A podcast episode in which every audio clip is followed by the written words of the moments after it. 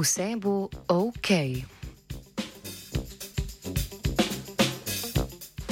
Raziskovalna skupina iz Amerike je, da bi raziskala mehanizme v zadju hitrosti učinkovanja ketamina, preučila vpliv substance na možgane laboratorijskih miši.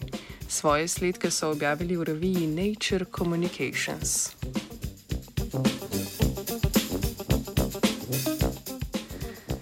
Ketamin se v medicini in veterini že dolgo uporablja kot anestetik. V zadnjih nekaj letih se vse intenzivneje preučuje tudi njegov potencial za blaženje simptomov rezistentne depresije. Pri večini antidepresivov se iskanje efekti pojavijo praviloma šele par tednov po začetku terapije. Prednost ketamije, ketamina pred njimi je hitro delovanje, saj se želeni učinki pogosto pojavijo že po nekaj urah in enem samem odmerku. Ti ponavadi trajajo do tri tedne.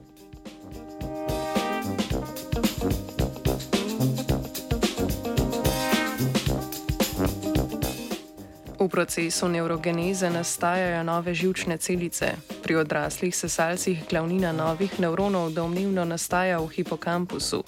To možgansko področje povezujemo predvsem z delovanjem spomina in sposobnostjo učenja, pri depresiji pa je njegovo delovanje okrnjeno.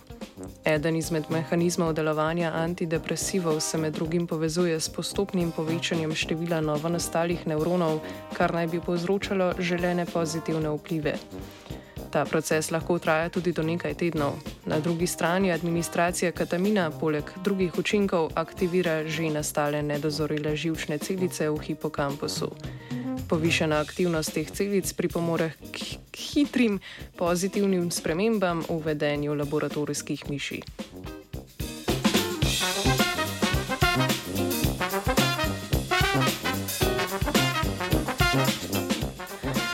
Raziskovalna skupina je s pomočjo tehnik genskega inženirstva ustvarila miši, pri katerih je bilo možno selektivno utišati aktivnost nedozorelih hipokampalnih nevronov. Miši so na to razdelili v dve skupini, od katerih je prva prejela ketamin, druga pa fiziološko raztopino.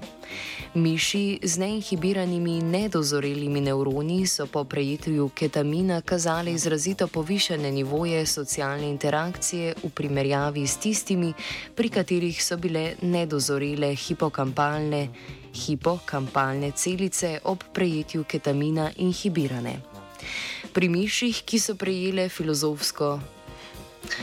Fiziološko raztopino, razliko v vedenju glede na morebitno utišanje nedozorelih hipokampalnih celic ni bilo opaziti.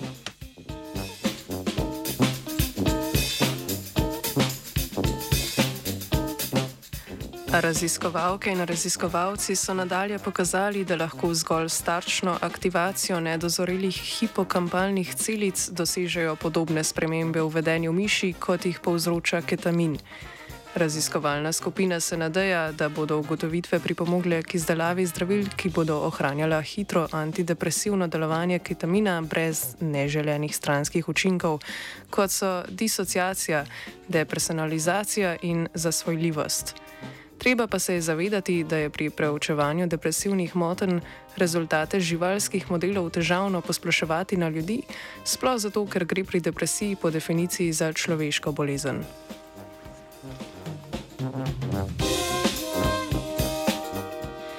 Kako izgleda miši keyhole oziroma keyhole, še vedno zanima žigo.